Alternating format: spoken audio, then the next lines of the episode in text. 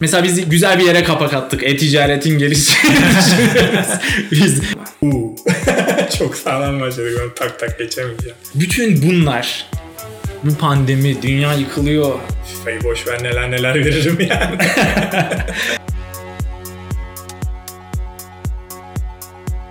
Merhabalar. Şu anda birbirinden bağımsız podcast'i dinliyorsunuz. Bu podcast serisinde aslında birbirinden bağımsız gibi görünen ancak her şey gibi birbiriyle bağlantılı hatta birbirine bağımlı konuları konuşuyor olacağız. Bir podcast serisi yapma fikri uzun süredir aklımda ancak yeni bir şehre ve işe alışma sürecini son bir yılda iki kere yaşadığım için ve girişimcilik serüvenine başlamamın üzerinden bir ay geçtikten sonra Dünya Sağlık Örgütü'nün pandemi ilan etmesi gibi sebeplerden dolayı fırsat bulamamıştım. Ancak geçen zaman içinde de tabii ki de boş durmadım ve hani derler ya biz bu işin kitabını yazdık diye. E tabi yazmasak da biz bu işin bayağı bir kitabını okuyup araştırmasını yaptık. E ve şimdi bu başlangıç forward slash test bölümünü çekmeye kadar geldik sonunda. Peki neler konuşacağız bu podcast serisinde? Tabii herkes gibi yıllardır araştırıp üzerine düşündüğümüz konuları, aylar önce başladığım girişimcilik serüvenimde yaşadıklarımı, öğrendiklerimi, sizinle paylaşırken bunları bir taraftan da bu yollardan daha önce geçmiş, tecrübelerinden faydalandığım insanları da konuk olarak sizinle bu podcast serisi aracılığıyla buluşturmak istiyorum. Ve bu kayıtta ise yanımda aslında her zaman yanında olan karantina badim, ev arkadaşım, mentörüm ve daha sayamadığım birçok sıfatı olan abim var. Evet Ayhan Şebin. Bir alkış. Buraya alkış efekti koyarız belki. Kendisi marketing ve danışmanlık backgroundlu, Harvard MBA ve şu anda IBM Corporate Stratejide çalışıyor. Evet abi. Bilmiyorum hoş geldin demek ne kadar doğru şu anki konteks içinde ama hoş geldin. Biz yine de diyelim. Öncelikle sana şunu sorayım. Nasılsın? Hayat eve sığıyor mu? Öncelikle güzel sözlerin için teşekkür ederim canım kardeşim. Sonra da podcast'inin umarım milyonlarca insanın hayatında çok güzel değişimlere yol açacağını. Çok büyük ümit başladık. Hedef nerelerde? tamam. Yüzlerce olsun. Yüzlerce insan. Ben en azından onlarca insanın hayatını değiştirirsin. Şimdi hayat eve sığıyor mu? Ee, hayat beklediğimden daha güzel şekilde geçiyor aslında. Yani korona sözünü ilk duyduğumuz günleri hatırlıyorum. Çin'i, İran'ı, İtalya'yı seyrettiğimiz günleri. Çok büyük bir tsunami, çok büyük bir deprem. Bir gün bize de vurur mu korkusuyla bakıyorduk ekrana. Geldi. Sonra New York dünyada bunun epicenter oldu. Ama insanoğlu adapte olabiliyor. Biz de bir şekilde adapte olduk. Hayat aslında beklediğimden daha fazla eve sığdırabildim. Tabii bunda seninle birlikte aynı evde olmanın da çok büyük etkisi var. Tek başına olsam herhalde o duvardan bu duvara kafamı vurabilirdim. Belki de vurmazdım. Belki de vurmazdın. Ama bilemeyiz. Neticede seninle güzel geçiyor. Beklediğimden daha iyi geçiyor ama umarım tekrar o New York'un özgürlüğün simgesi olan, sosyalliğin simgesi olan eee, insanların kalitesiyle eee, hayatı güzel güzelliğe çeviren insanlarıyla birlikte daha güzel bir New York hayatına yakın zamanda döneriz. Bana bu soruyu sormuş olsaydın eğer ben derdim ki Sormadım. işte o yüzden sormuş olsaydın dedim. Bana bu soruyu sormuş olsaydın aylar önce hele hayat eve sığar mı ya falan de. Ben de derdim ki sana abi hayat öyle bir şey değil yani. Hayat dediğin hele New York'a yeni gelmişim.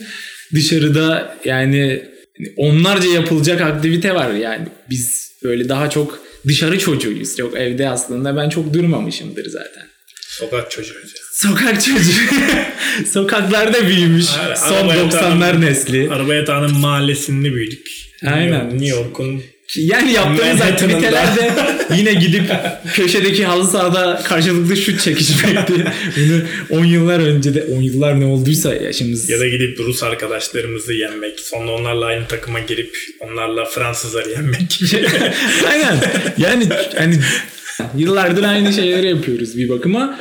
Bu belki pandemi sayesinde farklı şeyler yapmaya başladık aslında. Yani şimdi bu İçeri çocuğu pandemi başladığından beri hiç içeri çocuğu olacağımız aklımıza gelmez. Burada sürekli mutfağı bir upgrade ediyoruz. Belki sizde de öyle olmuştur arkadaşlar. İşte biz bir blender aldık. Ondan sonra bir kahve makinesi aldık. Yetmedi sonra böyle Izgara elektrikli ızgara aldık falan. Daha gelmedi. Bu kadar da boğazımıza düşkünüz. Sürekli Bu yeni bir yumruklar. özellik değil mesela. Hep Aynen. Ama biz çok üretken değildik bu konuda. Ondan sonra PlayStation aldık. Herhalde kariyerimiz için daha kötü bir şey varsa pandemiden o da PlayStation'dır. Ama onun dışında da şimdiki gibi podcast yapmaya başladık. Aslında böyle çok çeşitli şeyler İyi yapıyoruz. canım o kadar film izliyoruz, kitap okuyoruz, entelektüel hayatımızı Tabii. zenginleştiriyoruz. Ama bunlar çok default şeyler. Instagram'da gördüğünüz kısmı onlar. Bunları da Onlar yapıyoruz. Instagram'da gördüğünüz kısımlar burada Ha, bunları hep yapıyorduk zaten. biraz daha samimi bir e, podcast'in içindeyiz. Görün arkadaşlar ne kadar burada filtresiz konuşuyoruz yani. Peki şimdi bir an önce normale döneriz demiştik. E, inşallah. Ben geçenlerde bir anket yaptım Instagram'dan. Yani sordum arkadaşlarıma. Dedim ki sizce ne olursa normale dönersiniz. Onların da çok büyük bir kısmı yani herhalde çok kolay bir soruymuş. %60-70'i aşı bulunduğunda dedi. Ama bu aşının bulunması sence ne kadar sürer? Sence de aşı bulunduğunda mı normale dönürüz? Yoksa onun birkaç altı bir şeyler olsa bizi kurtarır mı? Çünkü hani çok dediğim gibi çok da fazla bir şey yapmıyormuşuz. Sence ne zaman halı saha oynarız dışarıda? Vallahi ben yarın da oynarım. o bir gösterge olamaz. ben er ya da geç kısa bir zaman içinde aşı bulunmadan önce muhtemelen halı saha oynarım. Ama bu konunun e, yıllarca tabii emek verdim bu konuda çok bir uzman olduğum için.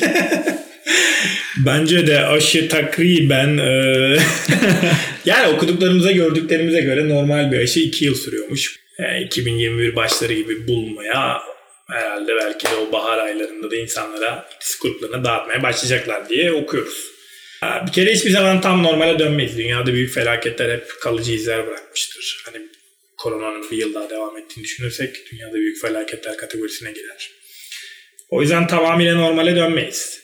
Ama bu bir aşama aşama gerçekleşecek bir şey. Yani biz iki aydır, üç aydır dışarı çıkmıyorduk. Şimdi şimdi dışarıda yürümeye, koşmaya başladık. İşte bir ay sonra parklara gitmeye başlarız. Aşama aşama gerçekleşir. Önümüzdeki kış çok zor geçer. Aşı bulunmaz muhtemelen. Ve koronanın tekrar kış geri gelip gelinmeyeceği, gelse bir türlü gelmese korkusuyla yaşayacağımız bir kış geçiririz. Ama e, valla kış geçtikten sonra herhalde yavaş yavaş eski hayatımıza yaklaşırız.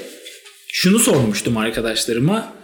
Pandemi sürecinde yani evdeyken evdeyken neler yapıyorsunuz? Yani işte daha üretici misiniz pandemi öncesine göre yoksa boş mu yapıyorsunuz diye sormuştum. Çok büyük bir kısmı boş yapıyoruz dedi. Ve bir de e, bu evden çalışma ve okuma sürecini çok sevmemişler. Ve bunu hani şimdi ilk söylediğimde ya onlar öğrencidir işte arkadaşların üniversite ortamını özlemiştir Yok canım. diyebilirsin ama öyle değil. Harbiden ben tek tek kimin ne cevap verdiğini görebiliyorum bu arada. Baktığımda böyle beyaz akıllılar da harbiden evden çalışmayı sevmemiş gözüküyor. Sen şimdi bu konuda ben senin ne düşündüğünü biliyorum ama ya da hayatında neyin değişmediğini ama sen buna bir cevap versen ne olur? Sen sevdin mi? Neler değişti hayatında? Yani iki türlü şey var. Sosyalleşme insanoğlunun en temel ihtiyacı. Neticede insanları hapishaneye koymak demek sosyalleşmelerini ellerinden almak. O açıdan zor bir durum. Ama benim her zaman hayalim ofisten bağımsız bir şekilde çalışabilmekti. Yani bu evden çalışmak, kafeden çalışmak, Japonya'dan çalışmak, Türkiye'den çalışmak, yolda çalışmak, kulüpte çalışmak falan hani ofisten bağımsız olma fikrini her zaman hayal ettiğim, hep her zaman öyle bir işte çalışmak istediğim için zaten mevcut işimde de seçmemden seçme sebeplerinden birisi de oydu. Evden çok yoğun bir şekilde çalışabiliyoruz. IBM çok global. Bizim herhangi bir projemizde %50'si zaten global olduğu için genelde online konferans üzerinden çalıştığımız bir çalışma düzeni vardı.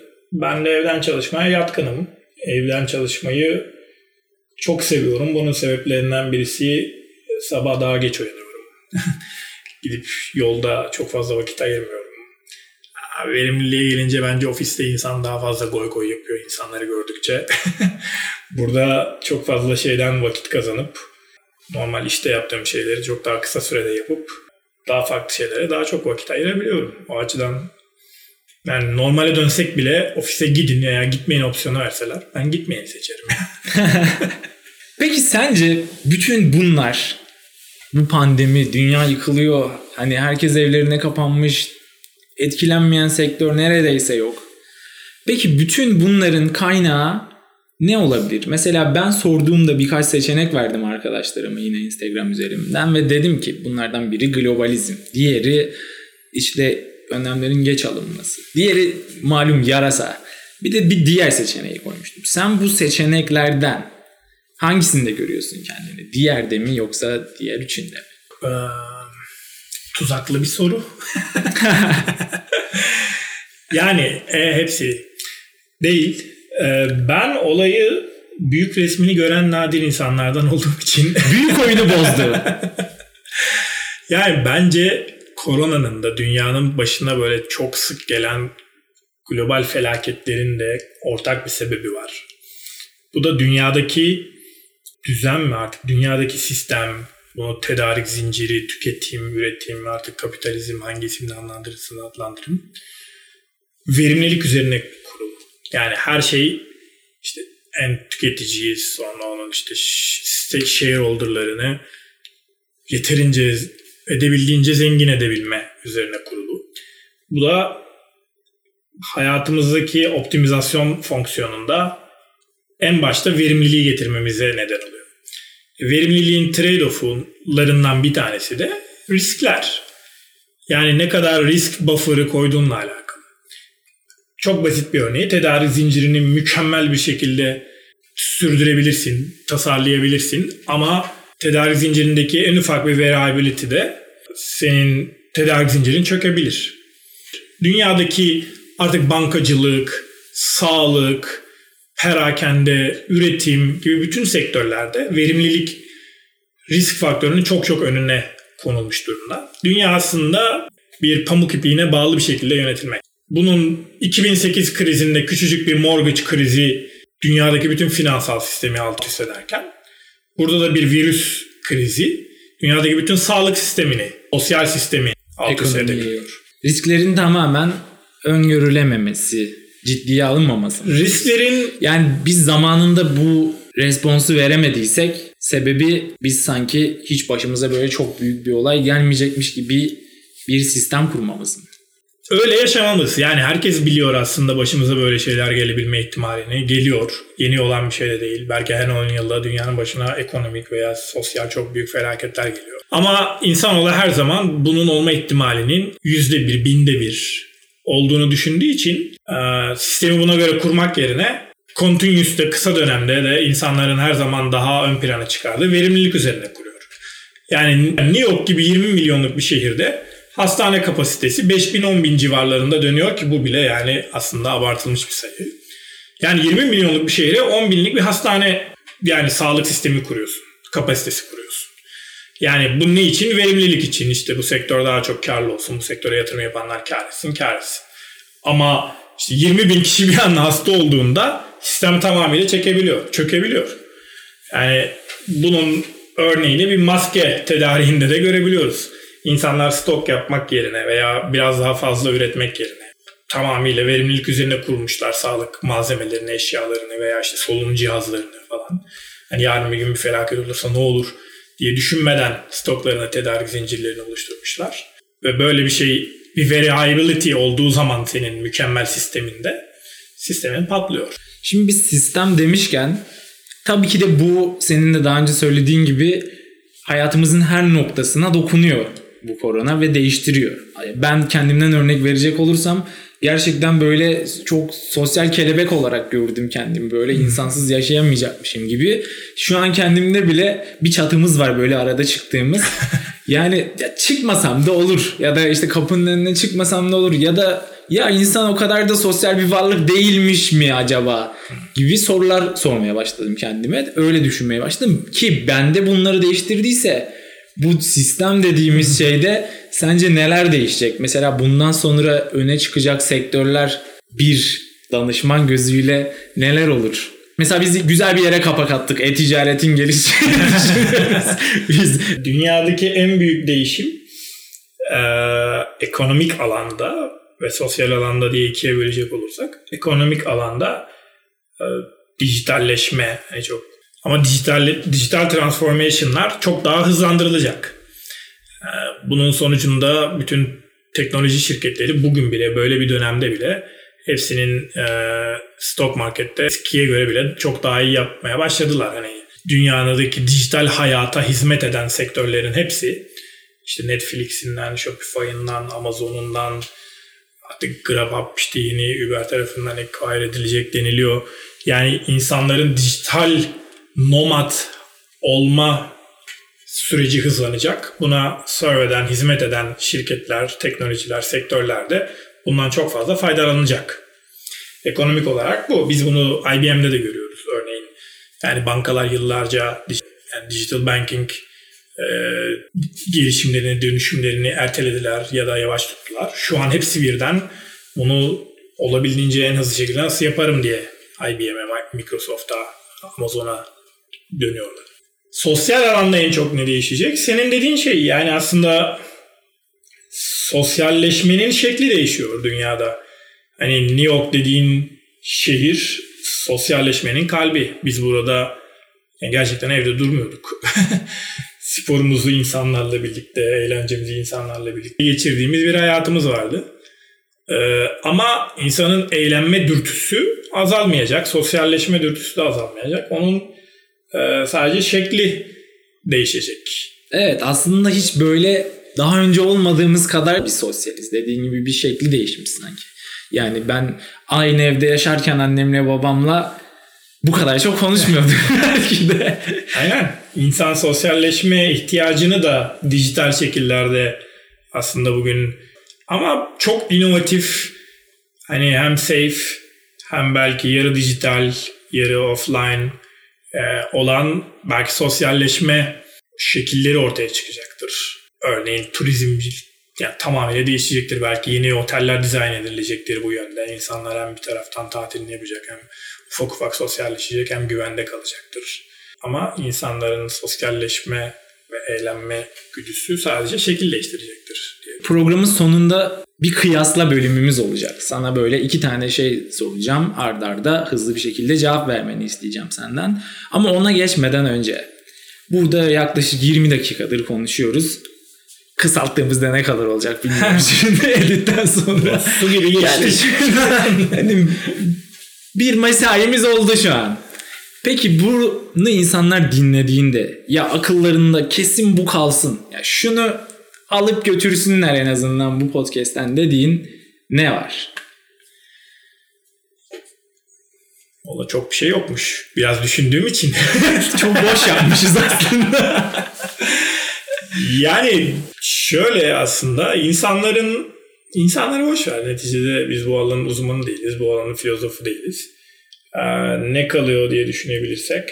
Senin benim gibi New York gibi sosyal bir yerde, şehirde yaşayan iki tane aşırı sosyal insanın bile e, bu yeni dünyaya adapte ederken adapte olabildiğini e, Biraz bulunduğumuz kabın şeklini almaya çok müsaitiz. yani bu işte survival of the fittest dediğimiz evrim dünyasının kazananları olmak için çabamızı biz, biz daha güçlü çıkacağız.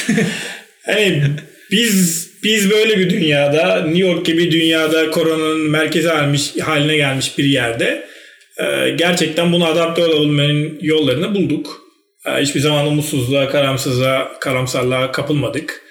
E, hatta buradan kendimize hem gelişim hem ekonomik olarak hangi fırsatlar yaratabiliriz diye kafa yorduk. Bunları hayata geçirdik. Aynen hani insanlar dünya ne kadar ince bir dengede de olsa bu denge bozulduğunda dahi e, insanoğlu burada mutlu olmanın yollarını bulabiliyor. Bence insanların aklında bu kalırsa bir nebze umut aşılarsak mutlu bize.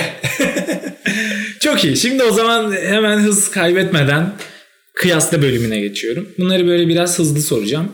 Belki hani enteresan bir cevap verirsen üzerine konuşuruz ama tak tak tak diye geçmeyi düşünüyorum. New York mu İstanbul mu? Çok sağlam başladık. Ben tak tak geçemeyeceğim. Danışmanlık biyesini bir tarafa bırakırsak. Yani fikren New York, kalben İstanbul. Peki. Kabul ettim hadi şimdi ilk program bir de abimsin. Ama diğer bundan sonraki konuklarımız size sesleniyorum şu anda. Bunda, böyle cevaplar istemiyoruz. Peki devam ediyor. Sabaha kadar FIFA oynamak mı? Önümüzdeki pazar halı saha mı? Önümüzdeki pazar halı saha oynayabilsem FIFA'yı boş ver neler neler veririm yani. tamam. Peki 100 yıl önce yaşamak mı? 100 yıl sonra yaşamak mı? Oo muhabbet. 100 yıl önce bugün Kurtuluş Savaşı vardı arkadaşlar. Gerçekten. Ama sen şu an New York'tasın. 100 yıl önceki evet, New York nasıl? Hani koronadayım aman dünya başıma yıkıldı diye düşünüyorsak gerçekten 100 yıl önce bugün Kurtuluş Savaşı veriyor veriyorduk yani biz veriyorduk başkası değil yani yaşasaydık şu an cephedeydik muhtemelen hani kötü bir şey iyi bir şey tartışılır ama tabii ki 100 yıl sonra hani ne kadar Kurtuluş Savaşı'nda ülkemin kurtulması için buraları keseriz. yani e, ülkeme canım feda ama 100 yıl sonra yaşamayı daha çok isterdim. Evet insan bak geleceğe karşı hep umut dolu. Umut neyse böyle ümitle umut arasında bir şey söyledim ama. umut umut umut dolu yani insan geleceğe karşı demek ki. Peki diğerine geçiyorum. Kurumsalda çalışmak mı girişimci olmak mı? Girişimci olmak. Ama... Tamam bunu açıklamanı beklemiyorum. Evet. Son soru 20'li yaşlar mı 30'lu yaşlar mı? 40'lı yaşlar. 20'li yaşlar tabii ki. Ama yani 20'li yaşlarında çok zorlukları var şimdi. Ya bırak Allah. Hele şu anda mezun olmaya çalışan 20'li yaşlardaki kardeşlerimiz. Yani 30'lar da güzel ama 20'den sonra da 30 var. 20'den tekrar devam edebilirim. Doğru. Evet arkadaşlar bir programın sonuna geldik. Bu bizim ilk programımızdı. Yorumlarınızı her zaman açıyoruz. Umarım dinlerken bir şeyler öğrenmişsinizdir. Umarım ama ilk önceliğimiz öğrenmeniz değil eğlenmenizdi. Umarım eğlenmişsinizdir. Ee, bir başka programda bir başka konukla da devam etmek görüşmek üzere. Durdurdular oğlum zaten dünyayı şu şarkı gerçekten. Bu şarkı da gerçekten durdurun dünyayı korona günlerini anlatan çok sevdiğim bir şarkıdır. Şair burada. Şair burada öngörmüş.